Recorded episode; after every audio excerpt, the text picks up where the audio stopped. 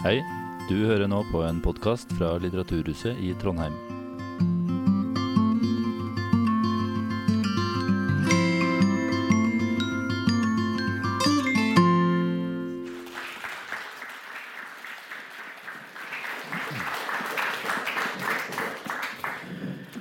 Eh, tusen takk for at eh, dere kom.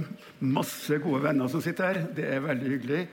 Og eh, jeg gleder meg til dette bokbadet med Jon Peder. Problemet er bare det at Jon Peder kan så mye om det her at jeg er redd for at egentlig kan vi snu det på hodet. Men nå skal jeg holde litt, han må, han må ta det litt rolig, så jeg får spilt en rolle her. Eh, før vi begynner, så vil jeg gjøre oppmerksom på det bildet her. Bildet, jeg vet ikke om dere ser bildet godt. Bildet er en brødkø etter, under storstreken i 1921. Den første store, alvorlige streken etter at kriseperioden starta etter andre, første, første verdenskrig. Og eh, folk eh, hadde ikke mat, og så står de i kø. Men se på hva slags klær de har på seg. For når redaktøren av boka mi foreslo det bildet her, så sa jeg men det her er jo borgerskapet, de har jo så fine klær. Nei, sånn, det er arbeiderklassen. Arbeiderklassen den gangen hadde to sett klær. Det var arbeidstøy og fintøy. Når de skal hente seg mat, så stilte de opp i fintøyet. Men det her er altså strekende folk, fattige folk som ikke har noe annet utkomme enn det de kan få på fattigkontoret av, av mel og sukker og sånne saker. Så det er derfra. Og så merker dere én ting til. Arbeiderklassen står i gullskrift. Redaktøren sa til meg arbeiderklassen er vel gull for deg, Lysestøl? Ja, det stemmer seg. Da tar vi gullskrift. Så den, det syns jeg var veldig bra. Det var helt riktig. Eh, så boka her har vært et ganske stort arbeid. Jeg er sosialøkonom og ikke historiker. Jeg har lest ganske mye historie og ble nødt til å lese veldig mye historie. Og Det har vært en stor glede, og jeg har lært masse under arbeidet. Og eh, håper nå vi kan formidle litt, og at boka kan bety noe for dere. Men altså, Jon Peder er nå mannen som skal samtale med meg. Da, så skal vi se hva han finner på. Jeg sier takk til deg, Peder. Og tusen takk for at du vil ha meg med deg. For det har vært utrolig Jeg syns det er flott å bli spurt. Eh, Og som dere ser, så har jeg lest en del av boka, og det er eh, fantastisk. Og jeg synes at bare si det innledningsvis, denne her bør benyttes både av partier og, og også fagbevegelse til studier og til skolering. Det mener jeg etter å ha gått gjennom den. Men eh, veldig kort sånn innledningsvis da, om eh, vi håper at dette her blir en grei eh, seanse. Det er kort tid, da, men vi skal prøve å gjøre dette her greit. Eh, det er sånn at Vi har jo en tidsramme på to timer til klokka ni. Så vi legger opp nå først at vi kjører en samtale på ca. en time og 20 minutter. Kanskje en time og 30. Vi får se. Og så ser vi an om vi trenger pause. Forhåpentligvis så Jeg kommer til å se på dere, og hvis dere sitter med øya oppe, så kjører vi ikke noe pause. Da får dere tåle å sitte. Og så må vi ha litt åpning på slutten for noen korte kommentarer eller spørsmål. Det blir ikke mye, men kanskje vi får til 20 minutter eller sånn. Og så blir det jo da signering der ute, eh, hvor Peder sitter, til slutt. sånn at den som Jeg sitter her, tror jeg. du sitter her, men da bærer boka på boka døra. kom inn. Ja. Så har jeg lagt vekt på at jeg skal stille åpne spørsmål. Det er ikke jeg som skal snakke, det, det er han. Og nå har han for så vidt allerede svart på to ting. Hvem han er. Jeg skal ikke utdype det noe mer. Du er sosialøkonomer.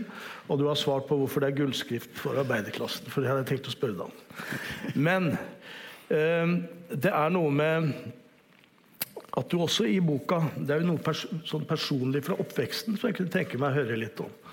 Eh, og det er jo at du tidlig fikk en våkning av en rettferdighetssans. Eh, om du kunne si litt kort om det? Det var jo knytta til familien din.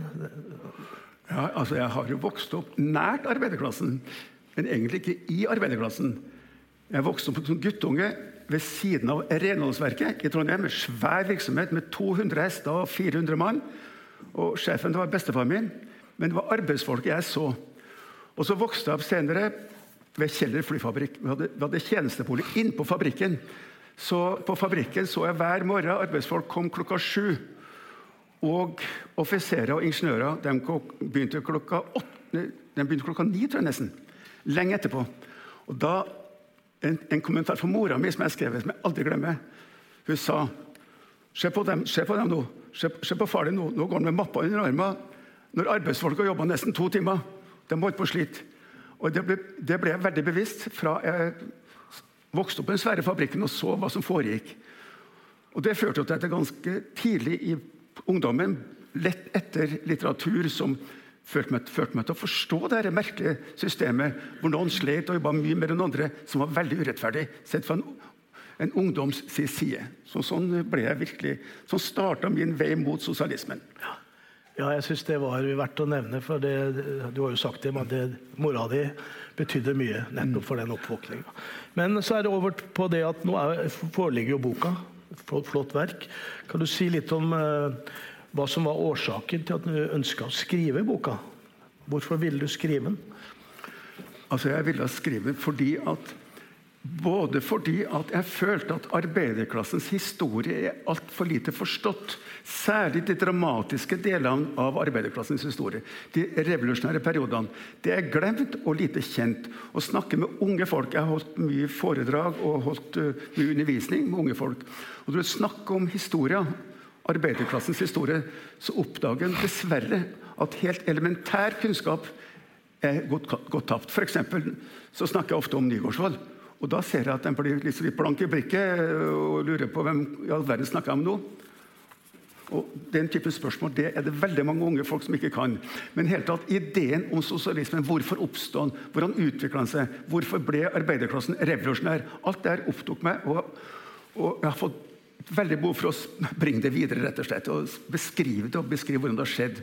Så at, øh, og Jeg har gjort, det på en litt annen måte enn mange historikere. så Jeg ser det mest, mest på visjoner. Da. Hvilke ideer har drevet dem frem, og hvorfor? Hvilken sammenheng har det med den økonomiske utviklinga? Det oppdager du ganske fort når du begynner å se på den økonomiske historien og den politiske historien, at økonomien ligger under hele tida. At det svinger med økonomien. I gode tider så blir arbeiderklassen revolusjonær. Da er det håp og drømmer. I dårlige tider så blir det depresjon. Folk melder seg ut av fagforeninga, melder seg ut av partiet. Det skjer lite. Og det her prøver jeg å vise i boka. her da, som, som, altså Litt sånn læreren som vil vise. Det, det ene. Og det andre er faktisk at jeg sjøl er veldig opptatt av hvordan framtida for arbeiderklassen blir. I den situasjonen vi er i nå, med en globalisering av verden, hvor arbeiderklassen flyttes til Asia. 82% av verdens industriarbeidere bor nå i Asia. Så 82% I Europa og USA bor det altså 10-15% her som var senteret for den industrielle revolusjonen. Vi som var Vesten med industri, er ikke Vesten med industri lenger. Industrien er i Kina, India, Bangladesh, Filippinene, Indonesia og også afrikanske og latinamerikanske land. Der er senter for industrien. Yes. Ja, og Det her kommer vi litt tilbake mm. til. for Du er litt inne nå innledningsvis på det med som jeg kunne tenke meg at du sier litt om uh, det med strukturen i boka. For det er jo sånn at uh, De fleste har kanskje ikke sett den, men så du får en viss peiling på hvordan den er bygd opp. Altså Det er jo en tredeling. Mm. Uh, hvor del én er målet om Målet er sosialismen, og så er det flere delkapitler. Jeg kan ikke gå inn på alle de, og til sammen 32 underpunkter. Og Så har du del to, som er det som heter velferdskapitalismen, med delkapitler, underpunkter. Og så har du del tre, som du har kalt 'En framtid uten visjoner?' spørsmålstegn. Nå, mitt spørsmål er om du i hvert fall sånn innledningsvis kan utdype litt. da, Du har litt vært inne på det. Men eh, om valget da, av strukturen for boka, sånn som mm. du har skrevet den. Ja, altså I og med at boka handler om visjonen, eller ideene, så er det et veldig klart skille hvis en ser på, på, de store spørsmål. Altså fra, altså Sosialismen i Norge ble jo så vidt kjent på 1860-70-tallet, gradvis av noen. Arbeiderpartiet vedtok sosialisme i sitt program fra 1890-tallet. Og siden da så var sosialismen det eneste målet i arbeiderklassen. Kapitalismen kunne aldri gi arbeider, i arbeiderklassen og vanlige folk et godt liv. Det var bare elendighet. Så ideen om å gjøre det bedre under kapitalismen den, var veldig, den sto veldig svakt. Veldig få hadde tro på at du kunne oppnå så veldig mye med å, å, å trygle til høyrefolk og, og stortingsfolk for å få det bedre. Du måtte forandre samfunnet, du måtte forkaste kapitalismen. Så sosialismen var målet. Den, så den første perioden viser hvordan det ble utvikla, hvordan ideen ble utvikla, hvor sterk kraft man hadde til å sette bak ideen. Den andre perioden den kaller jeg velferdskapitalismen. og Den starter fra 45. For da skjedde det som overraska veldig mange. Da arbeiderklassen var på sitt sterkeste, så ga de opp ideen om sosialisme. Hvordan kunne det skje? Da mange forventa at i 45 så nasjonaliserer vi produksjonsmidlene, legger planer for en offentlig statlig industri og, og bygger sosialisme i Norge. Og så skjedde ikke det. Så den fasen kaller jeg velferdskapitalismen. Vi kan senere komme tilbake til begrepet. Ja. Men velferdskapitalismen, den andre fasen som varte fra 45 til, til 80-tallet ca. Og Den tredje fasen som jeg i boka holder, den visjonsløse fasen, er det som innenfor politisk økonomi kalles den nyliberalismen. Da, da velferdskapitalismen blir oppgitt. Og, og eh, den norske regjeringa skriver i et vedlegg til langtidsprogrammet i 1978 at politikken til nå må, legge, må, legges om. Det står svart på hvitt. Det står et vedlegg. Det kom et ekstraordinært vedlegg plutselig til langtidsprogrammet, skrevet av, av Kleppe, hvor det står vi må politikken til nå, som har fulgt av en tradisjonell sosialdemokratisk modell, og en aktiv offentlig sektor, det må legges om. Og, og, og det, etter det så var bare ideen om sosialisme og ideen om store reformer gitt opp. Vi har gått inn i en periode som nå har vart i, i snart over 40 år, faktisk. Som eh, jeg vil si har vært relativt visjonsløs. Det har levd ideen om sosialisme i deler av arbeiderklassen og i små grupperinger, men, men ideen har vært svak. Og eh, jeg sier innledningsvis at det, var det forrige kommunevalget og det nåværende stortingsvalget partiene på venstresida som er sosialistiske, sier de. De snakker ikke om sosialisme i valget. Og Det ville vært utenkelig for 20-30-40 år siden. Altså At ikke sosialistiske partier snakker om sosialisme. Men sånn er det, og jeg bruker da begrepet visjonsløs om den fasen her. Og den kommer ikke til å vare lenge. Det, kommer til, det her også kommer til å endre seg. Ja. ja, det var en sånn overblikk over strukturen, eh, innholdet. Og Hvis vi går da løs på del 1, som du har kalt uh, 'målet er sosialismen', så har du også strukturert den at det første handler jo da om kampen for å overleve. Uh, så går du videre og snakker om at arbeiderklassen reiser seg, begynner å organisere seg. Eh, og så snakker du om revolusjon i Norge med et spørsmålstegn. Det her kommer vi jo tilbake til. Og det fjerde er kampen for sosialismen i krisetider, som det jo var mye av på den tida. Og det femte er krigen og sosialismen. Det er altså det første del, eh, den første, første delen av boka. Eh, og tidsepoken vi snakker om her nå, kan du definere den bare sånn grovt fram til Jeg tror første, ja, første historien her i boka er fra TMV i 1856. Da TMV som Norges første bedrift produserer dampmaskin og et damplokomotiv. Og Da står det i Trondheims historie. Direktør Huitfeldt gjorde en stor bragd i sin produksjon av dampmaskin og, og damplokomotivet. Det står ingenting om arbeidsfolket.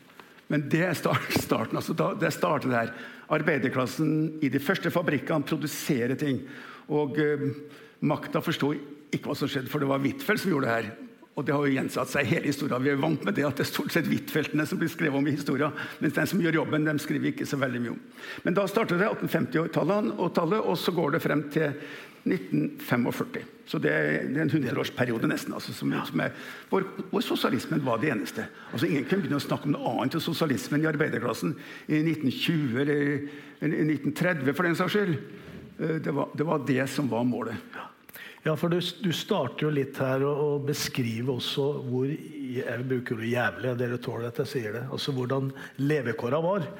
Eh, eh, det var jo ganske unikt. Han Eilert Sundt jo, reiste jo rundt og, og, og, beskrev levekår til menneskene. Eh, og så grodde det jo fram en, en, en, en opprørstrang. Men hvorfor? Hvorfor ble målet for arbeiderklassen sosialisme? Altså, hva var årsaken til at det ble så tydelig på den tida? Det jo, det var jo 30-40 år etter at, at, lønnsarbeid og arbeidere begynte å gjøre jobben, at ideen om sosialisme, oppstod. Og ideen om sosialisme kom jo utafra.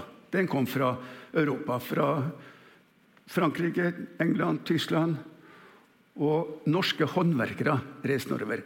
Og i det kommunistiske manifestet så er det en liten sak som jeg tror veldig få har sett. Der skriver Karl Marx at jeg møtte i Paris en nordmann, en trønder, som hadde reist den lange veien fra Trondheim og helt til Paris for å studere, for å studere opprør og revolusjon. det, det, jeg har lest manifestet mange ganger, men jeg hadde lagt merke til det før. For jeg leser det grundig nå. Og skrev ned trønderen. Og det var situasjonen. Det reiste håndverkere nedover til Europa og ble kjent med ideene skapt av teoretikere og arbeid, arbeiderledere i Europa. Hvor industrien var kommet 50 år før, og, og utviklingen var kommet mye lenger. Og Sånn ble det dratt til Norge av f.eks. Markus Trane, som var blant de første som virkelig Eh, tok det her på alvor og prøvde, å organisere arbeiderklassen. Eh, så eh, sosialismen, en idé utenfra som slo skikkelig røtter ganske raskt. Før det sa det jo arbeidsfolk trygla direktøren, eller trygla kongen eller trygla presten. Eller, men de trygla om å få et bedre liv. Nå ble det altså noe må vi ta saken i egne hender og lage et annet, bedre samfunn, som etter hvert formes av teoretiske ledere. Fra Karl Marx til August Bebel til Lenin, som skriver denne sosialismen etter hvert. Som blir da mer og mer konkret, og, og som da blir etter hvert en kraft. Ja, du hadde jo den uh, streiken til fyrstikkarbeiderskene som jeg kom på nå, som du også beskriver. Og Hvis en går inn i protokollen fra den utgangen på den streiken, så står det nå forstår vi at vi har et verd som mennesker. Sterkere og modigere går vi ut av kampen. Mm. Så Det er vel litt det du er inne på, nettopp den der oppvåkninga, den organiseringa, det opprøret som da, da var på, på, gang. Og Sånn sett så var jo også Trondheim et, et, uh, viktig sted. Sånn om du kan beskrive litt eh, når var det da arbeiderklassen ble revolusjonære? For det var jo en del av denne tidsepoken. Og hvordan det skjedde. altså, du kan si litt om det. Apropos fyrstikkarbeiderskene og sosialismen. så det, det, er veldig interessant at Fyrstikkarbeiderne den berørte Bjørnstjerne Bjørnson så sterkt. Han holdt jo tale for dem og sa 'jeg er også sosialist'. Men det som er mindre kjent, er at Henrik Ibsen han ble spurt i København. Er du også sosialist? Ja, jeg er vel, også, jeg er vel det, jeg også, sa Henrik Ibsen. Så han var også sosialist på den tida. Det var altså sosialismen som idé slo igjennom ikke sant? langt inn i, i, i kultureliten og borgerlige kretser, som var rettferdig og humanistisk innstilt. Men, eh, men du, du spør, hva spurte om? Nei, Så kom jeg inn på det her, om du kan si litt uh, om dette med de retninger syndikalismen sto, ja. Martin Tranmæl Når var det man da fikk mer den revolusjonære kraften i forhold til forandring av, av samfunnet? Altså. altså Den første tendensen til opprør var jo den første, første høykonjunkturen som varte fra 1850 til 1877. hvor Økonomien gikk bedre og bedre, og det ble bygd fabrikker og industrier. Da starta arbeiderklassen sin organisering. Edvard Bull sier at da fikk arbeiderklassen sin lokale klassebevissthet. Den ble bevisst at vi står sammen vi på fabrikken. Vi har et fellesskap, en lokal bevissthet. Men, men så får vi en lang periode hvor det ikke skjer noe. nesten. Altså En skikkelig lavkonjunktur, og den første store lavkonjunkturen i kapitalismens historie. Som varte altså fra, fra 1877 til 1890 ca. Da skjedde det lite. Og så, etter 90, 1990, så skjer det mer og mer. Da er den virkelige industrialiseringa av Norge skjer, særlig etter 1900. Hvor industrien bygges i stor målestokk. Vi får tungindustri og storindustri. Og, og, og, arbeiderklassen gjør flere og flere opprør, flere og flere streker, og oppnår lite med streikene. Det oppnås veldig lite. Og, og flere og flere bevisst at, at streiken Vi oppnår ingenting i streik, vi må gjøre mer. Streiken er ikke nok. Og Så kom da Martin Tranmæl, som ble, spilte en veldig viktig rolle i en fase av arbeiderklassens historie. Kanskje, de, kanskje, kanskje, den aller viktigste i den første fasen, fra, med Trondheim som sentrum. Hvor, hvor også Martin Tranmæl har vært i Amerika og møtt syndikalister i Amerika i den store organisasjonen Industrial Workers of the World, som var da verdens kanskje mest aktive fagbevegelse, den amerikanske, og veldig opprørsk. Og Tranmæl var der. Og de har blitt syndikalister. De sa at fagforeninga er viktigst. Partiet er ikke så viktig. Det er fagforeninga som er viktig. Og fagforeninga skal omfatte alle på jobben. Vi skal ikke ha en av fagforeningen for handel og kontor igjen en for jern og metall. og sånt. Vi skal være sammen. Syndikalistene sa at vi står sammen på arbeidsplassen. For vi er, vi er en politisk organisasjon. Vi er ikke bare en, en organisasjon som slåss for lønn. Og de ideene kom Tranmæl med hit. Og sykla rundt i Trøndelag og holdt møte på hver på si, melkerampe og agitert på en fantastisk måte. Så han, han er jo legendarisk fordi at hans agitasjon var så enormt effektiv. Han fikk med seg folk overalt. Og I 1911 så samla de folk i Trondheim til et eget møte for og de etablerte det som, vedtok det som kalles Trondheimsresolusjon. Som da ble senter for den første store opprørsbevegelsen i, i arbeiderklassens historie i Norge. Uh, hvor det var møte her i byen, og hvor uh, møtene vedtok uh, sosialisme og revolusjon. Vi skal ta fra borgerskapet sine produksjonsmidler. Det er vi som gjør jobben. Det er vi som skal, som skal eie også. Og det her var ikke noe å diskutere. altså. De revolusjonære var for det, og, og, i Trondheim ble det et senter for det. og det, Man laga altså landsomfattende møter etter hvert. Og da etter hvert da, Fra 1911 og utover så kom jo verdenskrigen i 1914. Så skjedde den russiske revolusjonen. Så det skjedde mange ting som førte fremover. Men det var, det, det var så opprørsk en periode der at, at eh, Arbeiderpartiet fra 1918 utover regna seg som revolusjonært parti. Og 1922 vedtok Arbeiderpartiet at det var, etter, at det var revolusjonære i programmet. Nei, 1920, men ikke to. 1920 vedtok Det er masse historiske data som jeg skal prøve å huske på i den skallen min. Det er ikke, det Av og til går det litt i sør, men sånn stort sett husker jeg det. 1920, Da var vedtaket om å være revolusjonær. Da vedtok Arbeiderpartiet det. Da var, men det er klart, Historikerne diskuterer hvor revolusjonær var egentlig arbeiderklassen da. Var de innstilt på å gjennomføre revolusjonen? Og det Samme var situasjonen over hele Europa. I land etter land vedtok fagforeninger og partier revolusjon. Men alle var jo veldig påvirka av det som skjedde i Russland.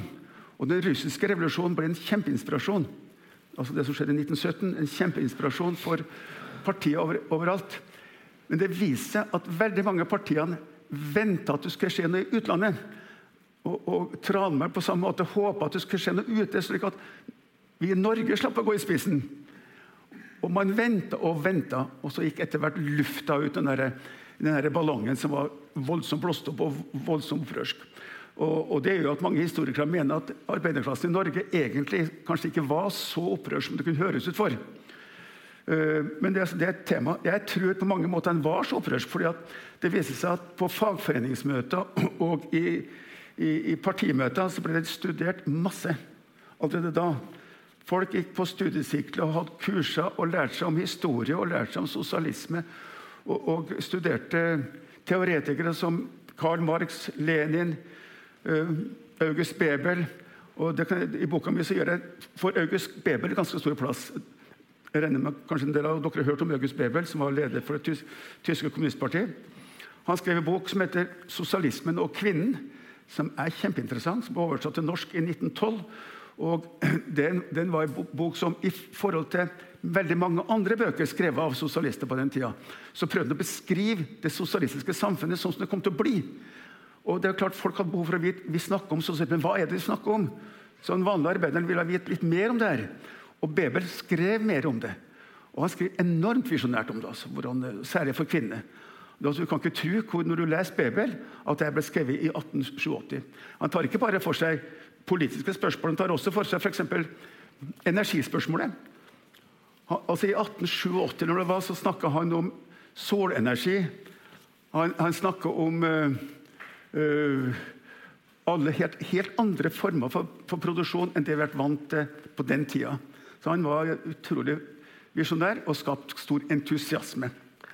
Så, ja. og, Samtidig så beskrev han hvordan man kunne jobbe to og en halv time. Ja, så var menten også? Han lå langt foran sekstimersdagen, sånn som jeg leser i boka her.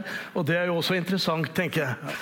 Men så var det jo sånn på den tida altså det var jo en, Å lese boka det er jo utrolig mye fakta og spenninger. Eh, så ble det et klassekompromiss, som jeg kaller det.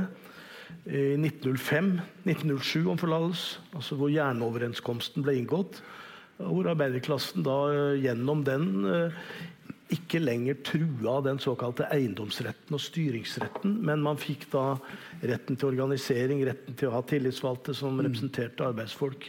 Og så oppi det her så har du da den revolusjonære delen. Og du var jo inne på det, revolusjonen i Russland. Borgerskapet skal vi jo. Så de ga jo noen konsesjoner. Om du kan si noe om det? Det var vel Venstre og Gunnar Knutsen som satt med regjeringsmakt. Og de ga jo noe, for de var jo redd, var det ikke sånn? Altså det er klart, Den første alvoret som arbeiderklassen satte bak ideen om revolusjon, var den franske revolusjonen. Nei, den Pariserkommunen, altså den franske revolusjonen var ikke en sosialistisk revolusjon. Pariserkommunen i 1871 var en, et forsøk på en sosialistisk opprør. Og det skapte virkelig redsel omkring. Og i, den, i, Tyskland, som var kommet langt i utviklingen, hadde en stor arbeiderklasse, så førte det til at Bismarck og hans regjering innså at de er nødt til å gi arbeiderklassen noe. Der ble det gjennomført en del reformer som var for å roe ned arbeiderklassen. Og I Norge ble det nedsatt en arbeiderkommisjon med, med sikte på å roe ned arbeiderklassen. Det står i innledninga til kommisjonen at vi gjør det her for å få arbeiderklassen til å roe seg ned, ikke bli så opprørsk. Så man kom med noen konsesjoner i 1884, men, men ikke, ikke, ikke, særlig viktig. Og så fikk vi det, det samarbeidet mellom arbeidskjøperen og, og, og, og, arbeidsfolk som da førte til at man fikk noen flere rettigheter. Så det, man fikk noen flere rettigheter. Man fikk også noen flere, noen forsiktige sosiale goder. Men det var veldig veldig beskjeden. slik at I hovedsak så led arbeiderklassen like elendig i, på si 1920 som de gjorde i 1880. Det var veldig liten forskjell. altså. Men det var én ting som jeg tenkte var viktig å nevne. Det var jo kampen for åttetimersdagen. Ble jo da innført ved lov i 1919. Og det var vel også et svar da, på den uh, situasjonen. Mm. Men i hele tatt, hvordan uh, du, du, har jo beskrevet Særlig i 1920-30-åra så var det jo utrolig mye streiker. Uh, om du kan si om det, og hvordan det virka da inn på, på, på, på arbeiderklassen, og også da de retningene som, som, som, du også beskriver som Det var jo kamper innafor bevegelsen mm. om hvordan man skulle overta makta. Altså, eh, du kan, kan, du si noe mer om det? Ja. Altså det, det jo, når vi snakker om arbeiderklassens partier, så var det jo bare ett parti fra Arbeiderpartiet ble danna frem til 1923, da Arbeiderpartiet sprakk. Altså I hele den perioden, altså i 40-50 år, så var det ett parti. Når man snakker om partiet, så var det partiet. Arbeiderpartiet. Eh, og en hovedretning styrt av Arbeiderpartiet sin ledelse. Eh, men det var jo store spenninger når, det, når Norske, Norske Arbeiderparti ble medlem av Komintern, altså den kommunistiske internasjonale. Og, og, det var nok veldig overraskende for mange at Norge ble med, Norsk Arbeiderparti ble medlem av Komintern. Men det hang jo sammen med den revolusjonære perioden som starta fra Trondheimsresolusjonen, som da skapte den bølgen av revolusjonære ideer som tvang Arbeiderpartiet til å bli så radikale at de gikk med i Komintern. Det var jo mot, mange, egentlig mot f.eks. Tranmæl og flere andre ledere sine egentlige ideer.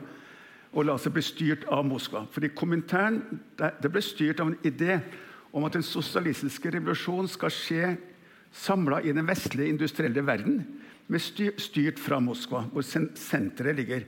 Og Der ble det altså representanter fra alle land satt i Moskva.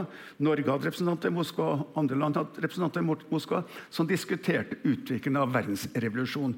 Og Det trodde man på i Norge også, at det var den utviklingen man skulle ha. Og var villig til å gi fra seg styringsrett til Moskva. Men det er klart, det var egentlig imot det f.eks. Tranmæl som var riktig.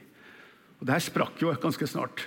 For så snart da tiden endra seg, høykonjunkturen etter krigen gikk over til lavkonjunktur, så slutta man å tro på at dette var mulig.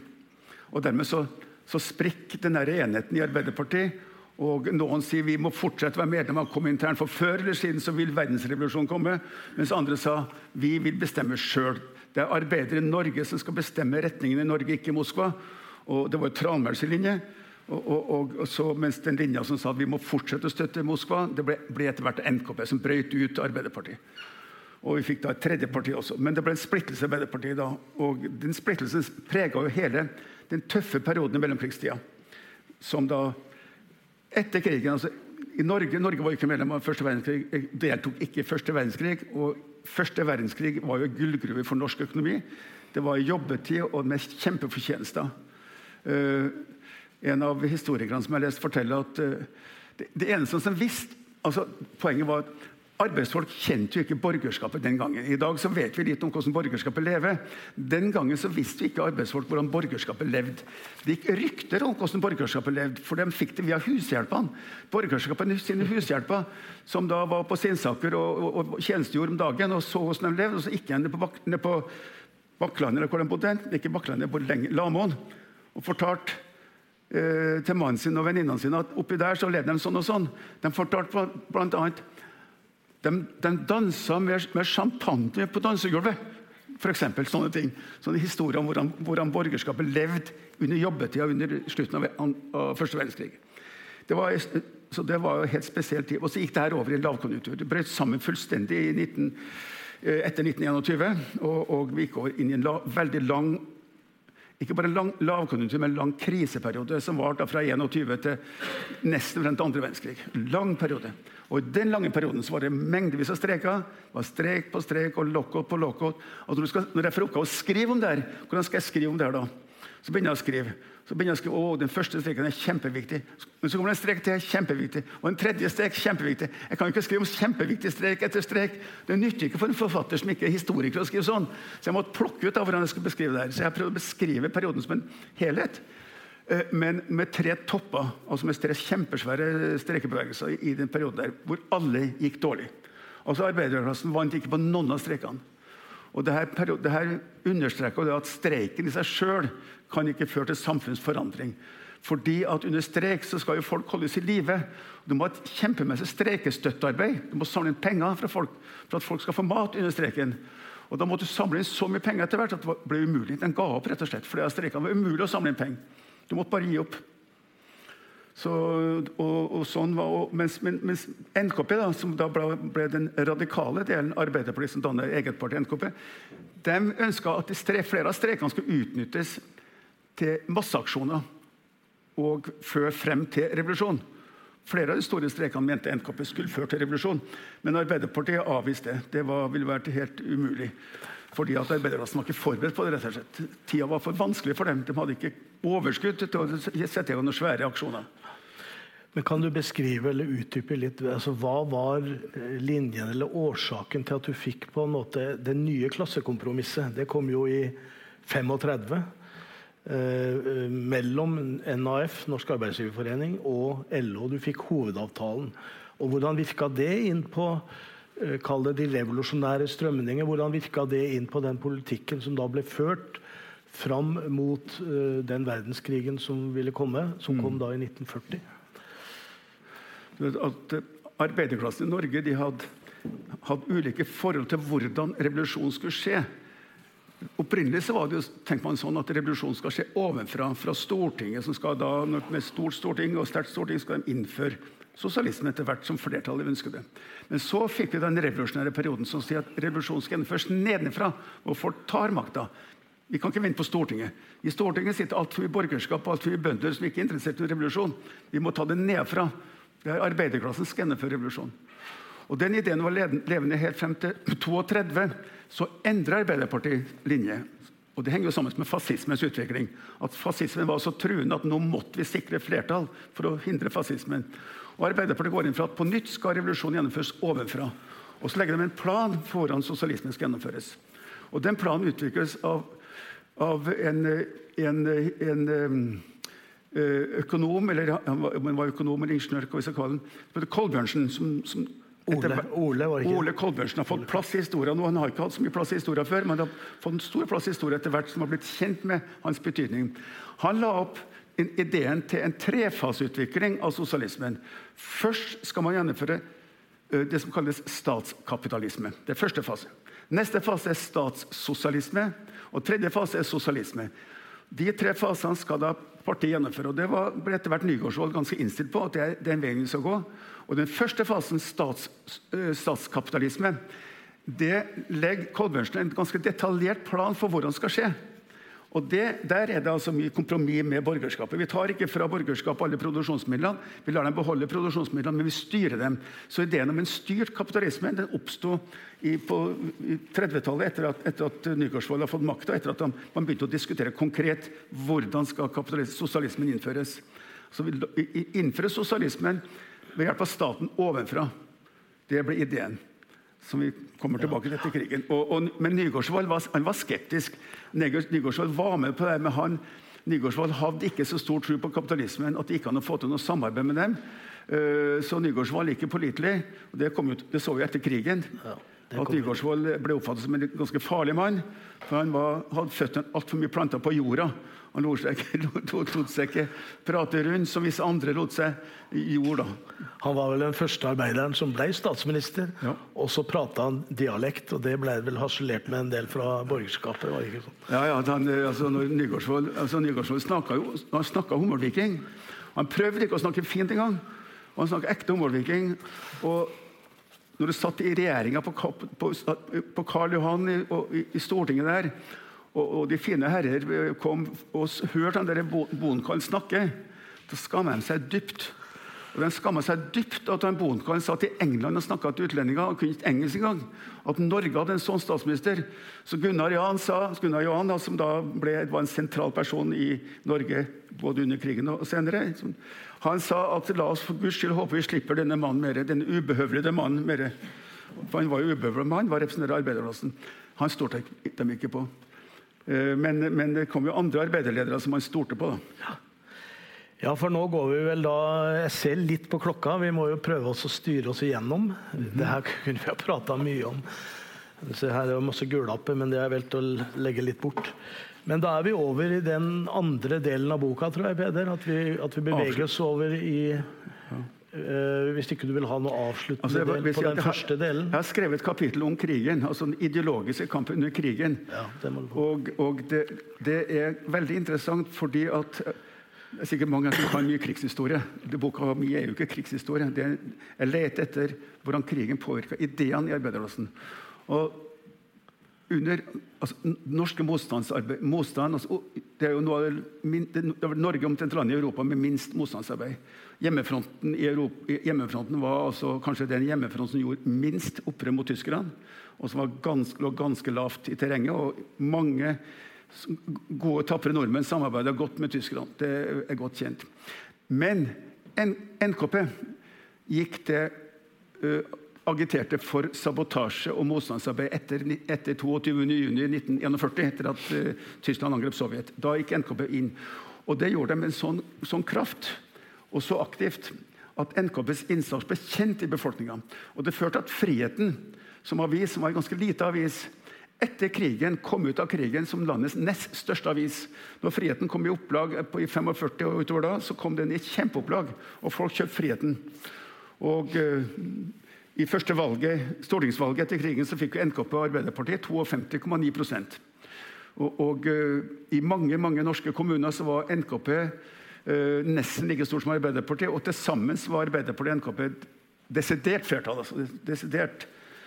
I Trondheim og Bergen var NKP veldig stor, og, og mange andre plasser. Så NKP hadde en kjempeoppvekst under, gjennom krigen. Krigen påvirka den revolusjonære utviklinga i Norge kraftig.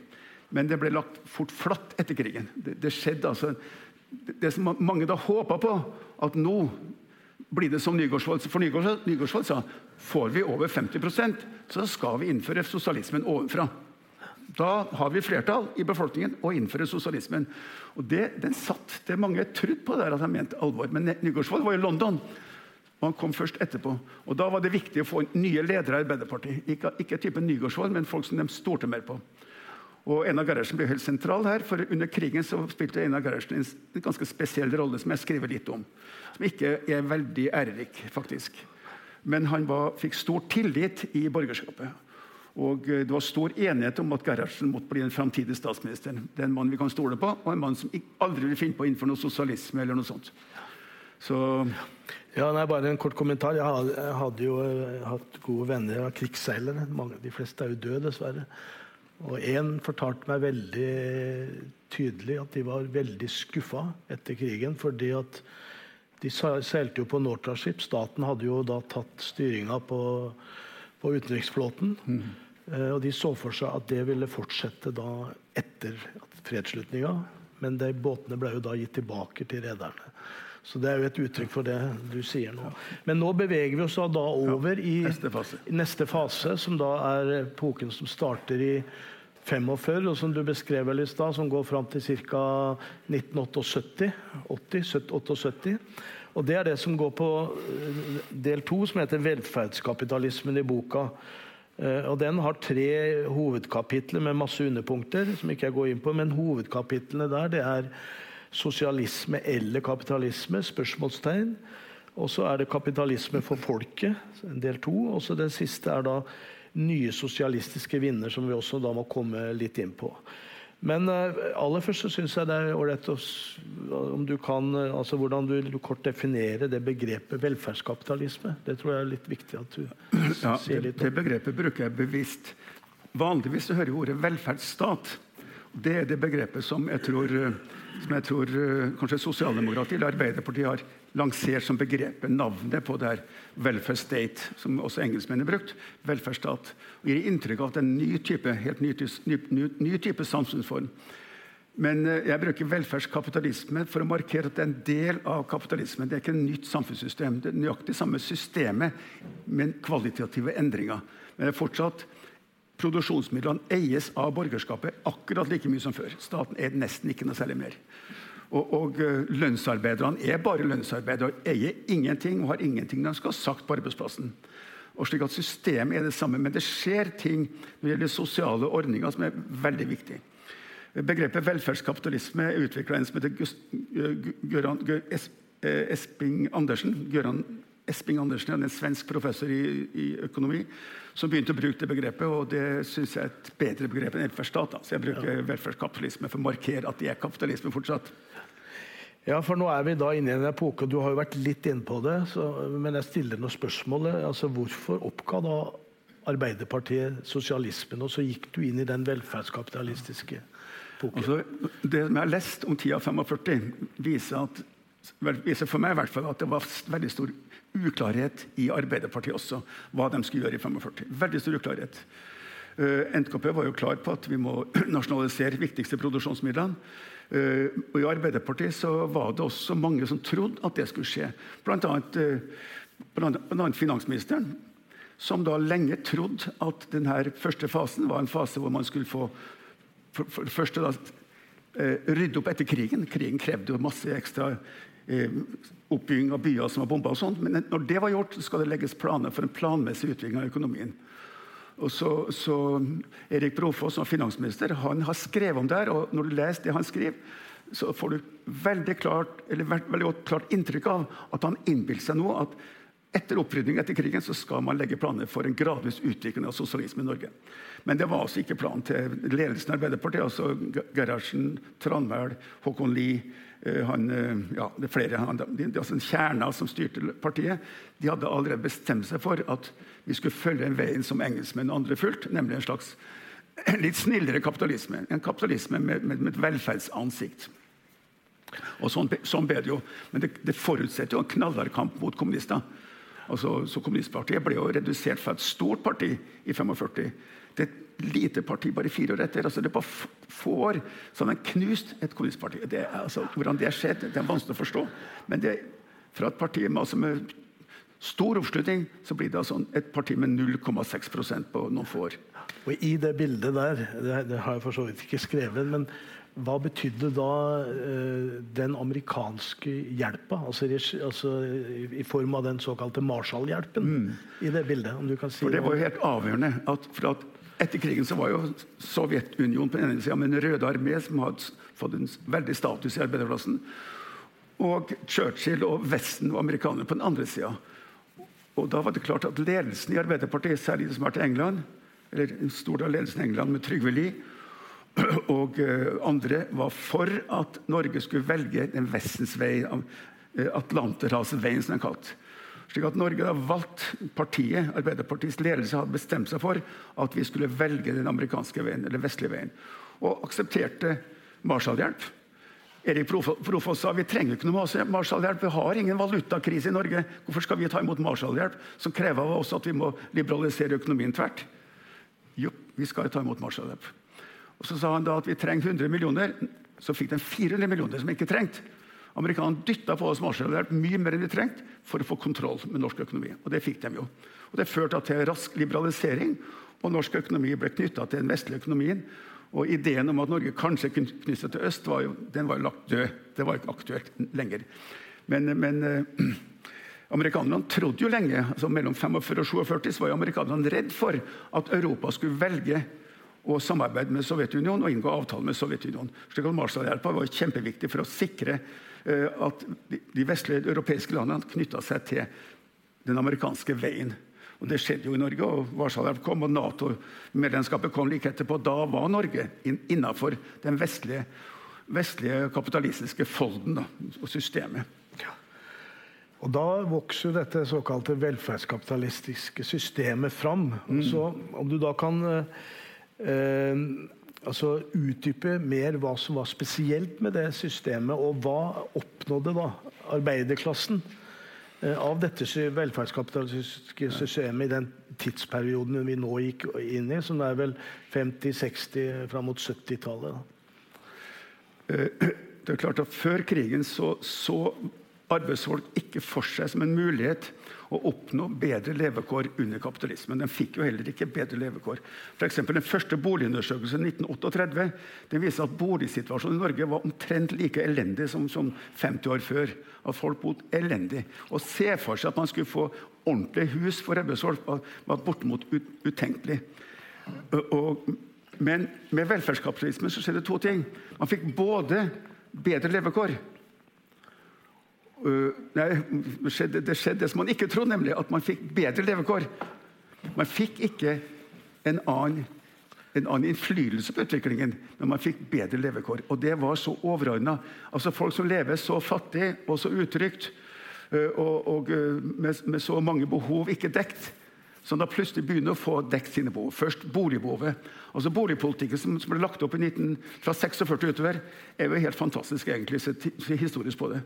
Altså Man oppnådde en bol, ren boligeksplosjon i Norge ved hjelp av Husbanken og Boligkooperasjonen.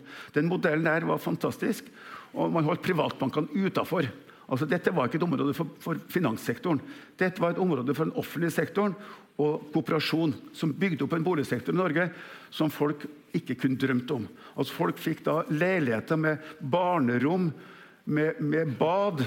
Til og med badekar fikk enkelte. Og Det var altså en drøm som gikk i oppfyllelse av materielle ting Gradvis utover 60-tallet og 70-tallet. Bedring på bedring. Og så I, tillegg så får vi store sosiale reformer, folketrygden, som gjør at livet blir sikrere. Oppi alt det her så var det ikke lett å opprettholde ideen om at vi skal ha en annen type samfunn. Vi fikk jo veldig mye av det vi har drømt om. fikk man jo.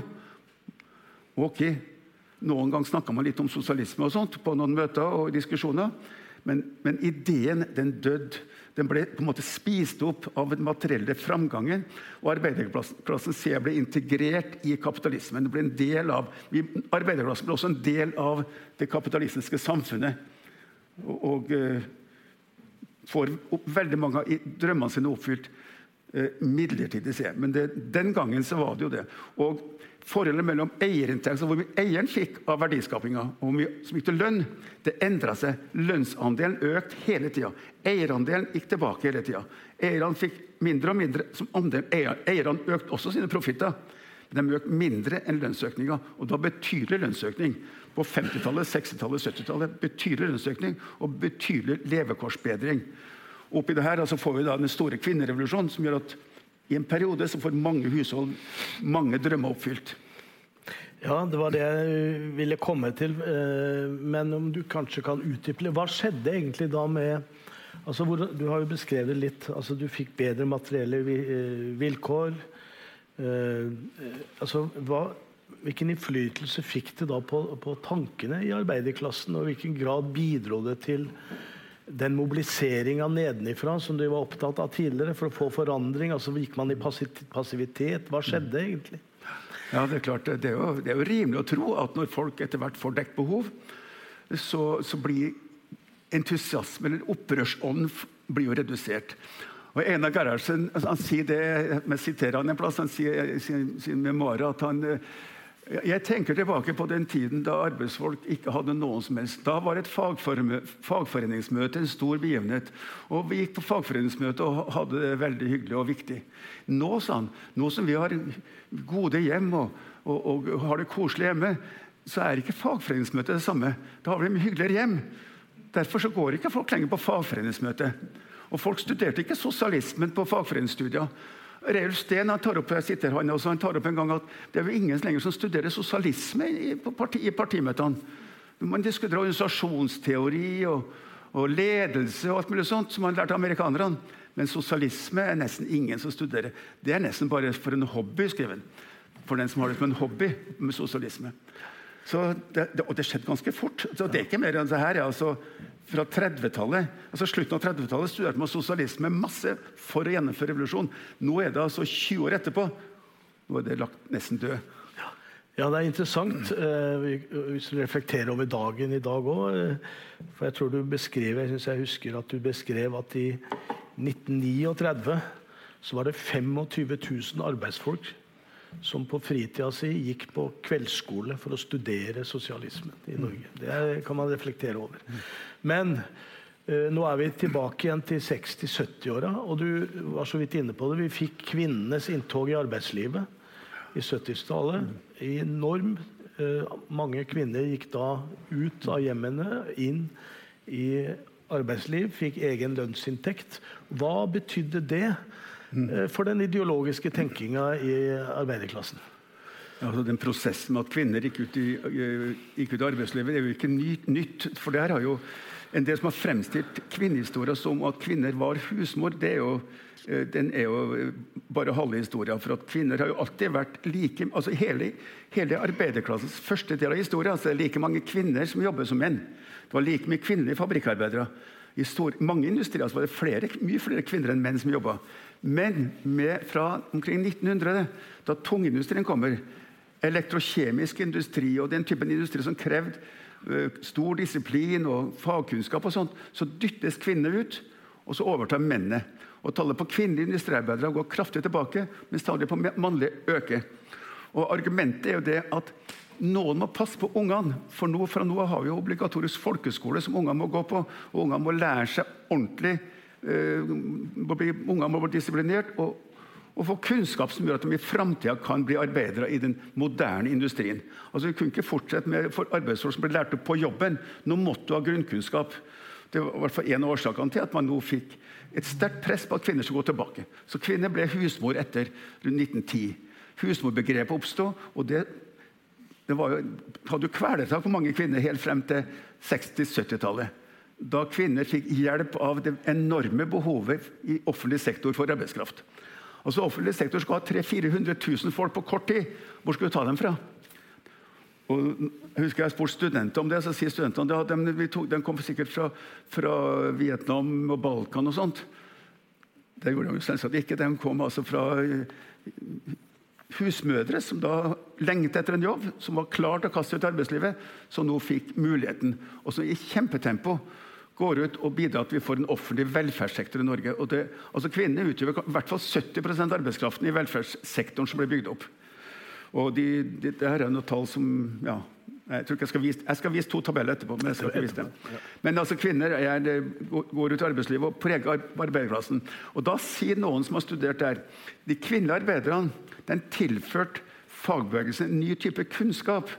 Og, og nemlig kunnskapen om at menneskets behov er mer allsidig enn bare de, altså Mannfolk hadde ikke så stor fantasi om menneskets behov. Kvinner hadde mye mer fantasi. De forsto at ungene hadde behov. Vi må ha behov for ditten og datten som ikke mannfolk hadde tenkt på. Og Det kom inn i bildet som sosialistiske partier også fikk, av framtida. Det framtidige samfunnet skal være mer enn bare et samfunn hvor vi har kontroll med produksjonsmidlene. Det, det dreier seg om mye mer. Og så Det er en viktig årsak. Det, det, altså, det er Noen også, historikere sier det. Jeg, det, jeg har ikke forska på det, men jeg tar, sier hva de har sagt, som har studert det. Det kommer vel også mye mer kampen om arbeidstida. Kortere arbeidstid kommer vel òg som en del av det. Ja, det er klart den På nytt fikk en renessanse med kvinnebevegelsen. Kampen om kortere arbeidstid. Så den eh, som har blitt liggende som halvdød i veldig lang tid, og ikke har blussa opp egentlig. Altså Kampen for arbeidstid har ikke blussa opp egentlig. Altså Vi, vi nått, fikk åttetimersdagen i 1918-19. Og siden da har det ikke vært noen store arbeidslivsreformer. Selv, selv, om kravet har vært reist gang på gang, så ligger det der. Altså, vi, er, vi fortsatt å mase med lange arbeidsdagene og produsere all verdens idiotiske ting. Og bruke menneskelig arbeidskraft på alt mulig som vi ikke trenger. Men vi er der. Ja. Den siste store var jo i, i 86. Hvis du da ser bort fra femte ferieuka i, mm. som fagbevegelsen vant i streik i 2000. Men så beskriver du, om du kunne utdype altså du beskriver jo denne epoken som kapitalismens gullalder. Mm. Eh, om du kan, utdype, kan du utdype det litt mer? Hva, hva, du har jo vært inne på det, men sånn, eh, du, veldig, du, du gir en beskrivelse av det i boka di. Altså Gullalderen det, det, som bruker, det begrep som brukes av mange. at denne Perioden fra 50-tallet utover til 80-tallet er en gullalder fordi at den økonomiske veksten er så stor. Mye mye større enn senere. Altså vokser 4-5% hvert eneste år. altså Målt med nasjonalproduktet. da. Det viser en vekst på 4-5% men senere så har veksten havna ned og nærmer seg null. ikke sant? Men i en periode på 20-30 år så var veksten så stor, og eh, arbeidsløsheten var så å si lik null. Altså, jeg var, når jeg ble politisk interessert, så var det rasende hvis arbeidsløsheten ble over 1 og I 82 tror jeg arbeidsløsheten nådde 2,6 og da, da, ble det jo med store markeringer og demonstrasjoner. 2,6 arbeidsløshet. Altså, var, I gullalderen var det arbeid til alle. Det var fortjeneste for dem som drev forretninger. Og, og økonomiske veksten var stor. Så det var denne perioden her. En. Og i dag er den fem ca. og ganske stilt. Så vi har noen oppgaver framover, tenker jeg om. Men vi skal gå videre inn. og Du må si litt om uh, det siste delen av del to. Uh, det er det underkapittel som heter 'Nye sosialistiske vinner'. Og Der skriver du om SF og den tredje eh, veien. Og så skriver du om maoismen og AKP-ML. Mm. Eh, så jeg velger å spørre, da vi stiller spørsmålet hvilken innflytelse da fikk SF og maoismen og AKP-ML i arbeiderklassen? Det er et stort spørsmål. Ja, det et stort spørsmål. Men du kan si noe om det, for det er jo liksom avslutninga på den delen. da. Både SF og AKP ble jo videreført av nye partier senere. Men de er jo røttene til partiene SV og Rødt, selvsagt. Men, men SF ble danna som en opposisjon mot et arbeiderparti som var mer og mer proamerikansk. Mer og mer eh, kutta alle slags ideer. Var, man aksepterte atomvåpen. Eh, man raserte distriktene og utkantstrøkene. Man sentraliserte uten omtanke for at eh, masse folk, eh, masse distrikter ble, ble, ble ødelagt. Og, og uh, ideen om sosialisme forsvant i Arbeiderpartiet. slik at folk som da var innstilt på å opprettholde ideen om sosialisme, ikke, ikke kravet om revolusjon nedenfra, men aksepterte at sosialismen skulle innfris av Stortinget. Men, men, man opprettholdt kampen mot atomvåpen som det aller viktigste. Det var SFs hovedsak. Og så da de andre ideene fra sosialismen. Så Den bevegelsen oppstod da på slutten av 50-tallet og utvikla seg. Og endte opp med at SF kom på Stortinget med Finn Gustavsen blant annet, og, og fikk en rolle i løpet av de årene her. Og eh, ble et, i periodevis et, en forferdelig torn i øyet til Arbeiderpartiet. Eh, som da, i hvert fall under Kings Bay-saken, behandla sa SF var, var forrædere og forferdelige folk som svikta arbeiderklassen. og sånt. Men SF var, gjorde en viktig rolle og prøvde å opprettholde ideen om sosialismen. Og førte ideen om sosialismen videre til nye former for sosialismen, særlig mot Jugoslavia. Og der, eh, det har Jeg selv, altså, jeg ble jo sendt til Jugoslavia av Finn Gustavsen i 1965 for å studere den jugoslaviske sosialismen, som SF hadde hørt om.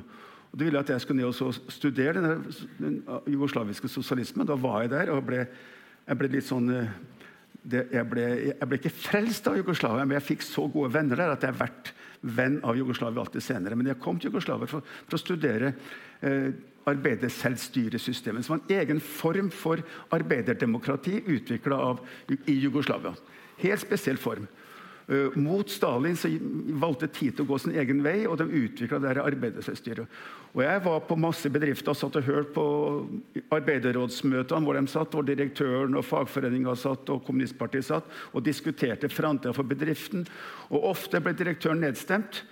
Og uh, Jeg husker et par ganger en historie som viser hvor sterk den bevegelsen var, at uh, på universitetet i Beograd hvor jeg hadde kompiser som, de var, de kompisene mine som var forskere og ansatte på universitetet, de var rasende. For vaskekodene hadde stemt imot at professorene og intellektuelle skal få lønnsøkning, og at lønnsøkninga skal gå på den tekniske staben, og ikke professorene. Men det var bestemt av Arbeiderforsamlinga bestemt det. Da måtte de finne seg i det. En annen bedrift, stor bedrift som jeg var på, der hadde også bedriften fått et anbud i Algerie. En jugoslavisk bedrift fått et svært anbud i Algerie. Må reise til Algerie og jobbe. Der hadde Arbeiderforeninga gått imot å reise til Algerie, for de gadd fankelig ikke å reise til Algerie og jobbe i varmen og når de hadde mer enn nok å gjøre igjen. Så de gikk imot, Og ledelsen fikk ikke reise til Algerie. Rett og slett, Arbeidsfolket bestemt. Det er en del, altså Arbeiderselvstyret på sitt beste var ganske avansert demokratisk i en periode. Og Der studerte jeg, og det brakte jeg videre til SF. Og SF engasjerte seg i en tredje standpunkt, som var litt sånn titoismens vei. da. Så, så, det, så, det, var liksom den ene bevegelsen. Men, men, men, vi som da var unge i den bevegelsen, ble etter hvert litt lei fordi at SF fulgte ikke med i tida. Den fulgte ikke med det som skjedde ute i verden.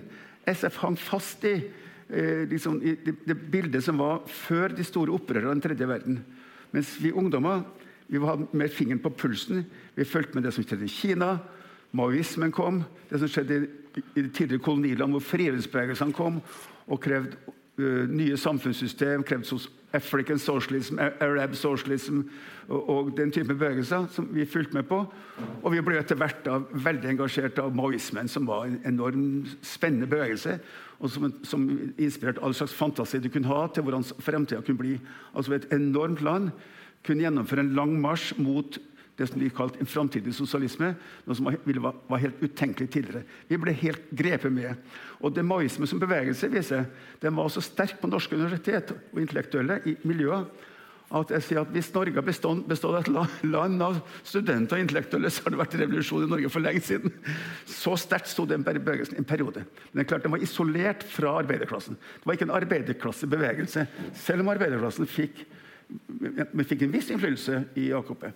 Men dette var bevegelser som tok opp strømninger i tida som betydde noe, men som ikke, fikk, ikke lyktes. selvsagt, må ikke under. Fordi det her skjedde jo da velferdskapitalismen på sitt aller beste. Altså, AKP holdt sitt landsmøte, sitt, sitt stiftelsesmøte et år da det ikke var en eneste streik i Norge. Da den økonomiske veksten var 5 og ikke en eneste arbeidsløs. Da skal vi gjennomføre sosialistisk revolusjon i Norge. Det ble litt på sida av virkeligheten.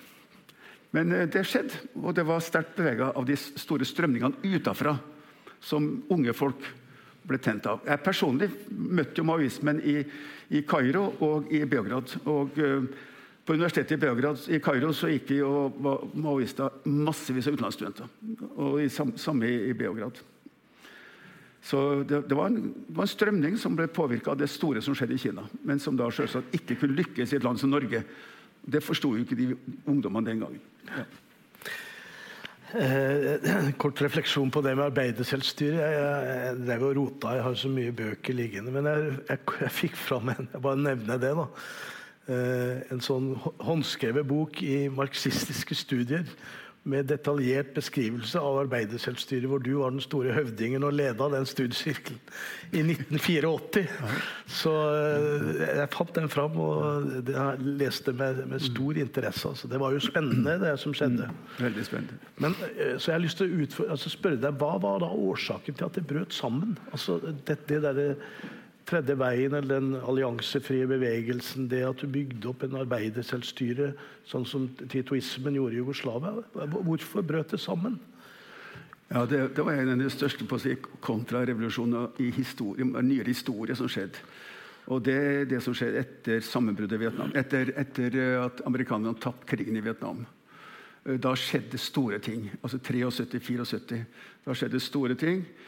Det ble krise i vestlig økonomi. Amerikanerne fikk hjem hundretusener av soldater. Amerikansk økonomi stupte rett ned.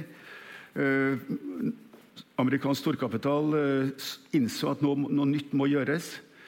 Uh, deres tenketank i Chicago spekulerer hvordan skal vi gjøre det, og vi drar opp på nytt den gamle ideen fra liberalismens fortid om mer marked, mer frihet, bort med staten. For også i USA har staten spilt en viktig rolle fra 45 utover. Med en del sosiale reformer og en del økonomisk styring. Eh, det krever man noe, det må bli slutt med. Og for disse kolonilandene, som da var i ferd med å lage, lage, lage, et nytt system, og som var enormt i beit for valuta, så kommer amerikanerne og tilbyr dem billige lån. De skal få billige lån hvis de gir opp F.eks. Egypt skulle få billig hvis de gir opp eh, store planer om industrialisering. Jeg var i Egypt. Egypt hadde da to veldig vellykka eh, jern- og stålverk, som la, skulle være grunnlaget for en, en egyptisk industri. Eh, Istedenfor å satse på det, så får altså får altså den egyptiske regjeringa tilbud om store lån. Og alle andre regjeringer. Svære lån, billige lån. Så den tredje verden ble i løpet av kort tid totalt forgjelda. Man ga opp den selvstendige linja og gikk over på å finansiere den offentlige økonomien gjennom lån. Og i, Tidlig på 80-tallet kunne flere store land i den tredje verden melde fra at vi er, vi er konkurs. Vi er i gjeldskrise. Det tok ikke lang tid. Og Dermed så var, så var denne bevegelsen den tredje veien knekt. Og altså Det er nyliberalismens viktigste si, seier for kapitalen. Det at den greide å stoppe opprørsbevegelsen i den tredje verden. Det skjedde etter Vietnamkrigen utover og, og eh, påvirka hele den vestlige verden. Slik at når den tredje verden ble lagt når opprøret der ble lagt ned, uh, så kunne altså uh, markedsøkonomien sin store frihet da, utvikle seg med den nyliberale revolusjonen som, som, som Ja, for nå, nå ja. går vi over den siste D, hoveddelen av boka. Mm. Altså det som du da kaller en Framtid uten visjoner, mm. eh, som har to hovedkapitler. Det er arbeiderklassen og nyliberalismen og globaliseringa av arbeiderklassen. Så du har vel vært litt innpå det, men, men spør nå allikevel. Altså, hvordan vil du kort da definere det begrepet eh, nyliberalisme? Som mange snakker om i dag. Altså, hvordan definerer man det? Altså, man får inntrykk av at nyliberalisme betyr at man skal redusere statens rolle. Det tror jeg ikke er sentralt. Staten skal fortsatt spille en rolle, men en annen rolle. Staten skal spille en rolle for å fremme kapitalens interesser mye mer aktivt enn tidligere. Og statens rolle som å bygge opp en offentlig sektor tones ned. Så nyliberalismen er en, en idé som mer direkte gir kapitalen øh, fordeler og legger forhold til rette for kapitalen. åpner markedet for kapitalen internasjonalt. åpner markedet for kapitalen nasjonalt ved å bygge ned offentlig sektor. Privatisere Altså Alt dette er en del av nyliberalismen. Så den ideen, altså Utviklingen av velferdskapitalismen som er akkurat motsatt, hvor, hvor, den offentlige sektoren får grep om en god del av økonomien, så snus alt på hodet. Nå skal den offentlige sektoren få mindre og mindre grep, og mer og mer privat. Både her og internasjonalt. Så Verdenshandelen liberaliseres, og den nasjonale økonomien liberaliseres. Og det, det, er det som skjer i en periode nå. Og det skjer i Norge fra, etter min mening fra 78-79, gjennom aktive vedtak i regjeringa, og så skjer det utover. Gjennom faser, jeg skrev, Det skjer gjennom fire faser sier jeg, i Norge. Som uh, det her skjer. Ja, for Det du beskrev nå, det var vel mye strategien til nyliberalismen. Mm. Men så kan jeg jo da stille spørsmål. altså Norge, og det var du vel litt inne på. altså Norge hadde jo en relativt god økonomi på denne tida. Så hvorfor da slo nyliberalismen så hardt inn også i mm. det norske samfunnet? Ja, Det er jo det som det forundrer mange som ser på altså Nyliberalismen ble innført da USA hadde øh, en negativ vekst på 2-3 altså det var krise i amerikansk økonomi. Da kan du forstå det. I Norge var det en vekst på 3-4% pluss. Og ikke noe stor arbeidsløshet når det her gjennomføres i 78. Men ble allikevel gjennomført. Fordi at vi er en del av den vestlige økonomien. Vi, vi, er, vi, vi blir Våre ledere blir tatt av det samme tankemønster som, som da, så, uh, man skal gjennomføre det samme, fordi at særlig næringslivet har jo klaga til regjeringa på at fortjenesten er for liten. Fortjenesten er for liten, Skatten er for hard. Skatten er for hard. Vi må ha mindre skatt, vi må ha større fortjeneste. For å øke profittandelen av verdiskapinga. Og så snur det da. Da greier man etter hvert å endre den utviklingen som har vært hvor eiere har fått mindre og mindre, eller mindre og mindre andel, til en utvikling hvor eiere får en større og større andel. Det skjer nå. Og Det er jo målet med kapitalismen. Profittmaksimering. At profitten skal bli størst mulig. Og nå ble den altså økende.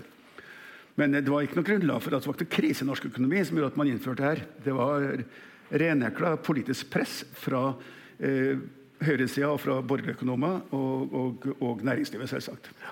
Og Da får vi jo den eh, tidsperioden som også blir kalt høyrebølgen? Altså, hva ligger i det? Hva, hva ligger i det? Det er det samme som nyliberalismen. Ja. Det, det, er jo en del av det, men det, det, er jo ganske interessant at i Norge er det skapt idé om at det er Høyre og høyrepartiene som gjennomførte her. Men den som har drevet det kanskje mer målbevisst, er Arbeiderpartiet, som har vært sentral i nyliberalismen i Norge.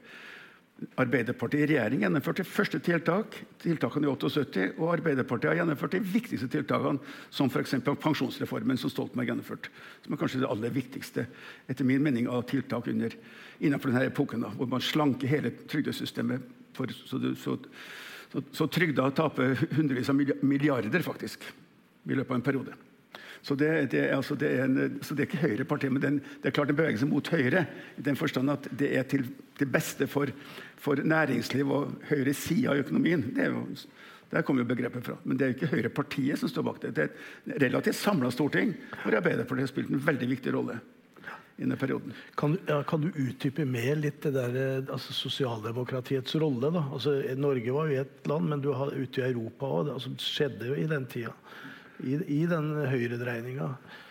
Hvilke økonomiske tilbakeslag hadde man? Altså Hvilke angrep fikk man på de offentlige systemene og de offentlige ordningene? skulle du si? Jo, men Det er jo det, det jeg sier nå, at det var jo relativt det samme overalt. Mm. Altså hvor du, hvor du, For det første så reduserer skattepresset på næringslivet.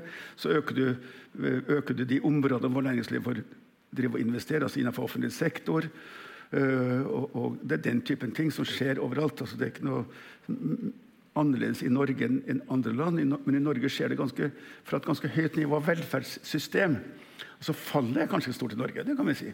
Altså Vi hadde et, et vel, en, en, oppfatning av en velferdsstat som var et ganske høyt nivå.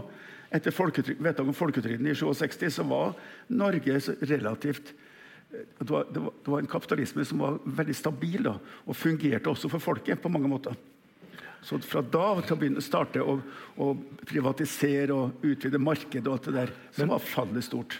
Men hvorfor fikk da disse økonomene som sto bak eh, politikken, jeg tenker på Hayek og Milton Friedman, så stor innflytelse? Altså, hva, hva lå bak? Nei, Der bidro jo Norge med nobelpris. De fikk jo nobelpris hele gjengen. Alle disse høyrefolkene. År etter år fikk de nobelpris.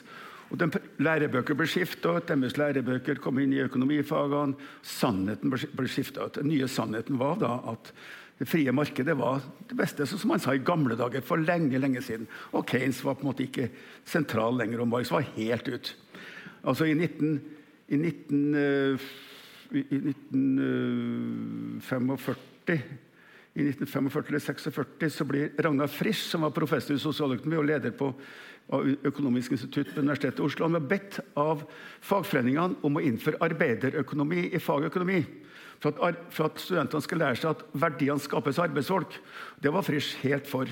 Det ble innført. Men jeg har ikke fått sjekka hvor lenge det varte, for det var ikke lenge det varte. Det forsvant jo fort ut, men i en liten periode så var faktisk verdi, altså merverditeorien til Marx var en del av fagøkonomi en kort periode. Men alt ble jo skjøvet ut. og Under nyliberalismen så var jo amerikanske teoretikere av de mest, mest høyrevridde. Sånn som Gary Becker, for eksempel, som var ekstremt høyrevidd. Han fikk jo nobelprisen også. Altså det, det, var så langt til høyre at du kan ikke forestille det. Altså Gary Becker sa jo da at det beste for et hushold hvis et hushold skal ha nyttemaksimering, gjør det best mulig for seg, så skal kvinnen være hjemme og mannen jobbe ut. Det var basert på teori. Han utvikla en teori som viste det. Så samme hva vi sa, Teoretisk kunne han vise at det var det beste. Så, altså Sånne ting slår gjennom. Det, det er ganske trolig, og det skjedde ganske fort. Ja, for Nå kommer vi over det som uh, også blir en del av bildet, det, den såkalte globaliseringa. Uh, og Du jo, gir jo noen interessante beskrivelser av hvordan hele systemet da, påvirka også arbeiderklassens sammensetning i, mm. i Norge. Eh, kan du si noe mer om det, eller utdype det? Ja, altså det, det, det, som har skjedd fra 1990 særlig, som, vi, som ikke vi har fått helt med oss, da, det er hvor omfattende globaliseringa er. Og I boka mi så kritiserer jeg arbeiderklassen og arbeiderklassens partier, både dem til venstre og Arbeiderpartiet, både SF og, og, Rødt og Arbeiderpartiet, for at de ikke har fått med seg den svære globaliseringa som skjer. Hvor arbeiderklassen også er globalisert langt på vei. altså De store arbeiderklasse grupperingene fins i land i den tredje verden. Og Der skjer det store ting som ikke vi følger med på. Men det her skjedde jo fordi at industrien flyttes jo. Og, og 1990 er på en måte et merkeår. For i 1990 så, ble, så brøt jo Sovjetunionen sammen. Og I 1990 så åpna India adgang for utenlandsk kapital til India. Og i 1990 åpna Kina også adgang for utenlandsk kapital. Så fra 1990 så skjer en strøm av investeringer i store land i den tredje verden. Der er arbeidskrafta en tiendedel arbeidskrafta i Vesten. Altså Kjempebillig arbeidskraft. Og etter hvert og godt disiplinert arbeidskraft og dyktig arbeidskraft.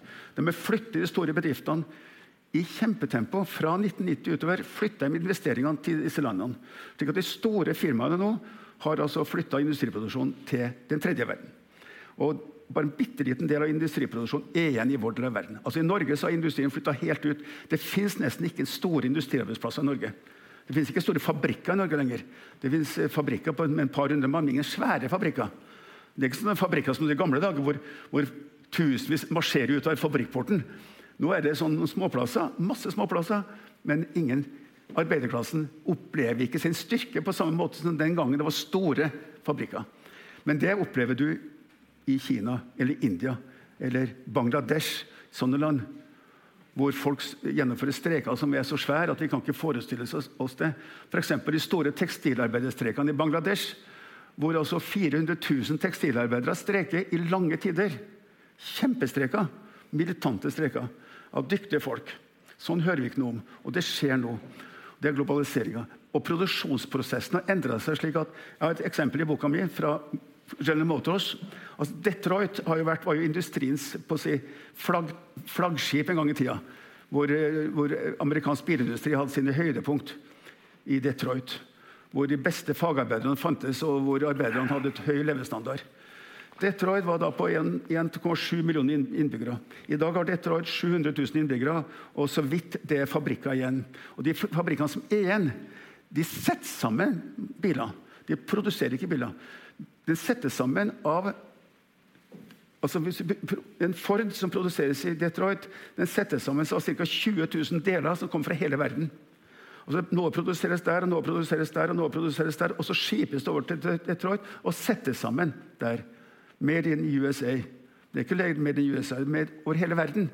Det er et ekstremt sårbart system, men samtidig så fører det til en total endring av klassesammensetningen i vestlige verden. Hvor de gamle industriarbeiderne som var kjerneproletariatet, nå spiller mye mindre rolle. I Norge utgjør i arbeiderklassen i dag så utgjør norske industriarbeidere utgjør 15% av arbeiderklassen i Norge. Altså 85 er ikke industriarbeidere i Norge i dag av arbeiderklassen. Vise, vise det, det, det, leder meg over til at du hadde en du har jo en liten feil i boka di. Ja, det, er jo fort, det mangler et femtall, og det vil han gjerne rette opp nå. Altså, ja, jeg har laga sånn, et forsøk på en klasseanalyse av Norge. Jeg kan si mye om hvordan det er gjort, men det, er ikke noe, her, altså, det tallene som jeg kommer frem til, som at det norske borgerskapet da ligger på størrelsesorden der steget litt i antall. Borgerskapet da utgjør da kapitalistklassen, de som eier produksjonsmidlene, og deres nærmeste venner, altså eliten i samfunnet. Hele eliten i samfunnet for borgerskapet. Så altså, det er ikke bare den som eier, men også deres alle disse direktørene og alle ekspertene og alle som har posisjon i samfunnet, til beste for eliten. Så det har steget litt. Mellomlagene som i Norge Norge er kanskje landet i verden med størst mellomlag. Altså Vi har en kjempemessig gruppe av folk som ligger mellom borgerskapet og arbeiderklassen med, kjern, med, med bl.a. tyngdepunkt i, den offentlige sektoren, men også i, i store andre tjenesteytende virksomheter.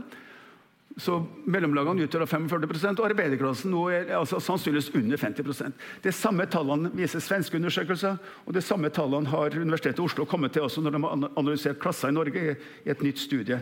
Slik at det her er nok relativt sikkert at norske arbeiderklassen går tilbake. Og sammensetningen er endra også kraftige skal vi se, her. Da kommer det femtallet igjen. Ja, der, der. I boka står det salgs- og serviceyrker 91 000. Det mangler et femtall. Så du kan merke dere det når dere lurer på hva i all verdens at 6, det kan bli 46,4% så skal det være 591 000. Så det er en feil i boka. Men altså der ser du altså arbeiderklassens sammensetning. Så har vi altså flertallet utgjør folk som er i tjenesteytende virksomheter. Klare flertallet. Og det her har vokst. Og Den delen som jobber i materiell produksjon og tradisjonell arbeiderklasseyrker, er da vesentlig mindre. Og Det er jo påvirka av globaliseringa. Tar du en analyse av arbeiderklassen i Kina eller, eller, India, så er jo bildet helt annerledes. Der er industrien veldig sentral, kanskje 40% av arbeiderklassen. Ja. Det, og det har jo perspektiv mot framtida. Hvis det er riktig som Karl Marx sier, at, at, at arbeiderklassen er den virkelig revolusjonære krafta i samfunnet. Den eneste revolusjonære krafta i samfunnet så er arbeiderklassens sammensetning selvsagt viktig. Ja. Nå har du for så vidt, har du, eh, Mitt spørsmål var jo en definisjon nettopp av eh, arbeiderklasse, mellomlag og borgerskapet. Det har du vært i. Ja, du kan jo, du kan jo eh, kort beskrive borgerskapet, for du skiller jo mellom det og en kapitalist. Du har vel vært inne på det, men det er greit å få det helt klart. Jo, men jeg, jeg sa ikke noe, Det er jo ikke noe annet enn at, at si, I gamle dager så var jo kapitalisten han var utgjør med, absolutt mesteparten av borgerskapet. Du hadde noen prester og noen embetsfolk sånn som også tilhørte dem. Men eieren av produksjonsmidler var borgerskapet først og fremst.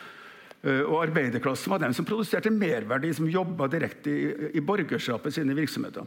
I dag er bildet helt annerledes. Og uh, Borgerskapet omfatter nå kapitalistklassen, som er en del, fortsatt den viktigste delen av borgerskapet. Men i tillegg et svært sikt av folk i ledende posisjoner. Av ja. underdirektører, direktører, og konsulenter og eksperter av alle slag som jobber for at det skal kjennes mest mulig, og at arbeiderklassen skal gjøre best mulig jobb. Til glede for eieren. Det, ja. og, og, Statistisk sentralbyrå har da i en analyse sagt regner også politikerne til det øverste sjiktet. Politikere i det norske samfunnet til det øverste sjiktet. Det kan sikkert diskuteres. Det vil sikkert Bjørnar Moxnes være helt uenig i, at han tilhører det øverste sjiktet, men uh, i hvert fall mange politikere tilhører det øverste sjiktet.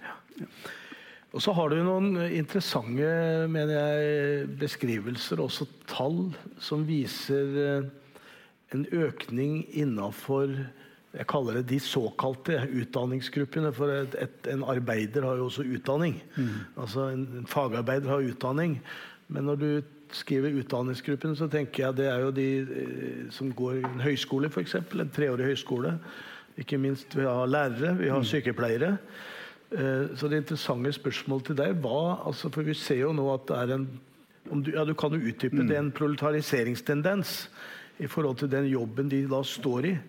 Eh, og Hva tenker du om hvilken politisk betydning det vil ha? At den proletariseringsdansen vil øke innenfor de gruppene som er etter hvert ganske mange i det altså, norske altså, samfunnet? Det er spørsmålet om hvem tilhører arbeiderklassen. Jeg har, jo ingen, har jo ingen fasit, og det er et veldig omdiskutert tema. Og, og NKP har alltid ment at alle lønnsmottakere er arbeiderklasse. Alle som har lønn, er arbeiderklasse. Og så har du dem som da mener at f.eks. alle som har uh, Eh, bachelorutdanning tilhører arbeiderklasse og arbeidere. Mens jeg mener at eh, stort sett bacheloryrkene tilhører, tilhører mellom, mellomsjiktene. Men det som er typisk for disse bachelorutdanningene, altså, er, det er at deres levekår har historisk sett gått tilbake. Og deres livssituasjon er veldig vanskelig for veldig mange, som gjør at de nærmer seg de er gjennom en proletarisering og de er nært arbeiderklassen. Så noen spissfindig grenser her, det er jo mer sånn av teoretisk interesse. Eh, men først skal lage noen grenser, så har jeg prøvd å lage grenser. Og lage, komme noen tall. Men det er klart at store deler av mellomsjiktet mellom lagene her er, er, også ganske nært arbeiderklassen og har en arbeiderklasse-livssituasjon. Særlig fordi at veldig mange av dem, særlig kvinner i det mellomsjiktet, jobber deltid veldig stor, har en tall i boka som viser hvor stor del. og det er klart at Jobber du deltid med såpass lav lønn, så har du ikke noe særlig mer enn en standard for en, for en, vanlig arbeider i arbeiderklassen. Ja, jeg, har jo en, jeg kom på det når du snakka nå, så tenker jeg at det er jo en interessant da. Og hvis dere husker for ja, det må kanskje være et, det er noe med fire år siden, da streika faktisk lokomotivførerne i Norge sammen med Yngre legers forening. Det, det, første gikk da på uh, dette her med hvem som skal ha styringa på utdanning. Mm. Og fagforeningas rolle. Og det andre gikk jo på arbeidstidsordninger. Da fikk du på en måte en forening i en felleskamp, og det er et interessant bilde tror jeg, i forhold til det vi, du, Når du tar opp det med utdanningsgruppene og framtida for å ha en et sterk eh, fagbevegelse da, i et land. Vi må vel etter hvert begynne å, å runde av. Jeg har to spørsmål. Uh, ja, det, det, ene er altså, altså, Hva er da din uh, korte analyse når det gjelder uh, om nyliberalisme i det hele tatt kan overleve? Det er også et stort spørsmål. Og hvor lenge vil den vare? Altså, hva ser du for deg utviklingstrekk? Motkrefter? Nei, altså, den, den utviklingen nå er det jo mange som studerer Eh, den politiske og økonomiske utviklinga mener ikke kan vare veldig mye lenger. Eh, det er ingen vekst i verdensøkonomien for tida, det har lenge siden vært noe særlig vekst. Det er veldig lav vekst i verdensøkonomien. Det er mange krisetendenser i verdensøkonomien. Og, og land i en tredje verden som skal ha mulighet til å komme seg ut av den situasjonen de er i, de eh, diskuterer nå å, å kutte forbindelse med Vesten, rett og slett. Altså, det, det, som kalles delinke. Komme seg ut av det her grepet som Vesten har på fattige økonomi. Eh, men eh, så mitt, eh, mitt perspektiv er at det nyliberalismen som system den har ikke mulighet til å overleve veldig lenge ut fra økonomiske lovmessigheter. som vi kunne diskutert mye her, men det, det, er ikke plass til å gå inn på her, men det har lite tro på at det kan fortsette lenge, og det er mange som mener det samme. Hva som kommer isteden, det er jo det store spørsmålet. Hva skjer? Og Mitt håp til arbeiderklassen i vestlige verden, i USA og Europa, er at den nå knytter forbindelser til arbeiderklassen i, i, Kina og India og de store arbeiderklassebevegelsene i verden. For å få et nytt løft på arbeiderklassens rolle i internasjonal politikk. Og Der har jeg da sparka Jon Peder litt på leggen og sagt han som ledet LO i Trondheim, og den berømte Trondheimskonferansen, som jeg skryter fælt av i boka fordi at Trondheimskonferansen ikke sikkert alle er kjent med den, det er altså et, et fristed for fagbevegelsen for tenkning og utvikling. Og at de kanskje går i spissen med å få opp en diskusjon om den internasjonale arbeiderklassens situasjon og framtid. Det, det, er et håp jeg har om, om det som kan skje. Men jeg tror at, at den, den, ideen om at den norske modellen den er, står sterkt, og det, vi, vi, her er det så greit, den tror jeg ingenting på. Jeg tror vi skal være klar over at vi lever i en tid som er fullt av spenninger, hvor, hvor, eh, hvor den, den illusjon å tro at vi kan fortsette omtrent innenfor samme, samme sånn velferdsstatsmodell som mange tror vi er inne i fortsatt. Ja. Nå har du for så vidt eh, trukket fram Trondheimskonferansen, og det er hyggelig at du gi ros på den, men jeg velger likevel å si eh, Jeg har liksom skrevet et avsluttende spørsmål. altså Det er å gi noen, noen uh, Hvilke utfordringer, hovedutfordringer har du til, til norsk fagbevegelse? Altså Vi er jo uh, generelt og spesielt til fagbevegelsen i Trondheim. Du har jo sagt litt nå, og det har jo litt knytta til det at jeg tenker når pionerene, som vi sier, da, det når arbeiderklassen begynte å, å, å, å Eh, vokse fram, eh, så hadde man jo et uttrykk som heter 'vi har beina godt planta i norsk jord', men vi skal alltid ha blikket utover. Mm. Og Det er jo da den internasjonale, viktige delen av vår rolle. Og det er vel det du er litt kritisk til, tenker jeg, når vi er litt for nasjonale og kanskje ikke har det. Men Du nevner Trondheimskonferansen, men er det noen andre ting konkret som du ser for seg at uh, at vi både generelt, men også spesielt tar gjerne imot eh, lokalt her i byen, som vi bør engasjere oss i. Det. Eh, det, altså, jeg, altså, jeg, er jo ikke ekspert på fagforeningene sin aktuelle debatt og posisjon nå, så jeg har ikke tenkt å dra opp noen store sånne vier om hva jeg mener. Det står litt i boka, men, men eh, eh det er klart illusjonen om at eh, om at eh, trepartssamarbeid og den ordningene vi har i dag, er på en måte ordninger som vil vare fremover og, og, og, er til det beste for arbeiderklassen, det tror jeg er en illusjon som som har blitt et tvangstøy for den norske fagbevegelsen.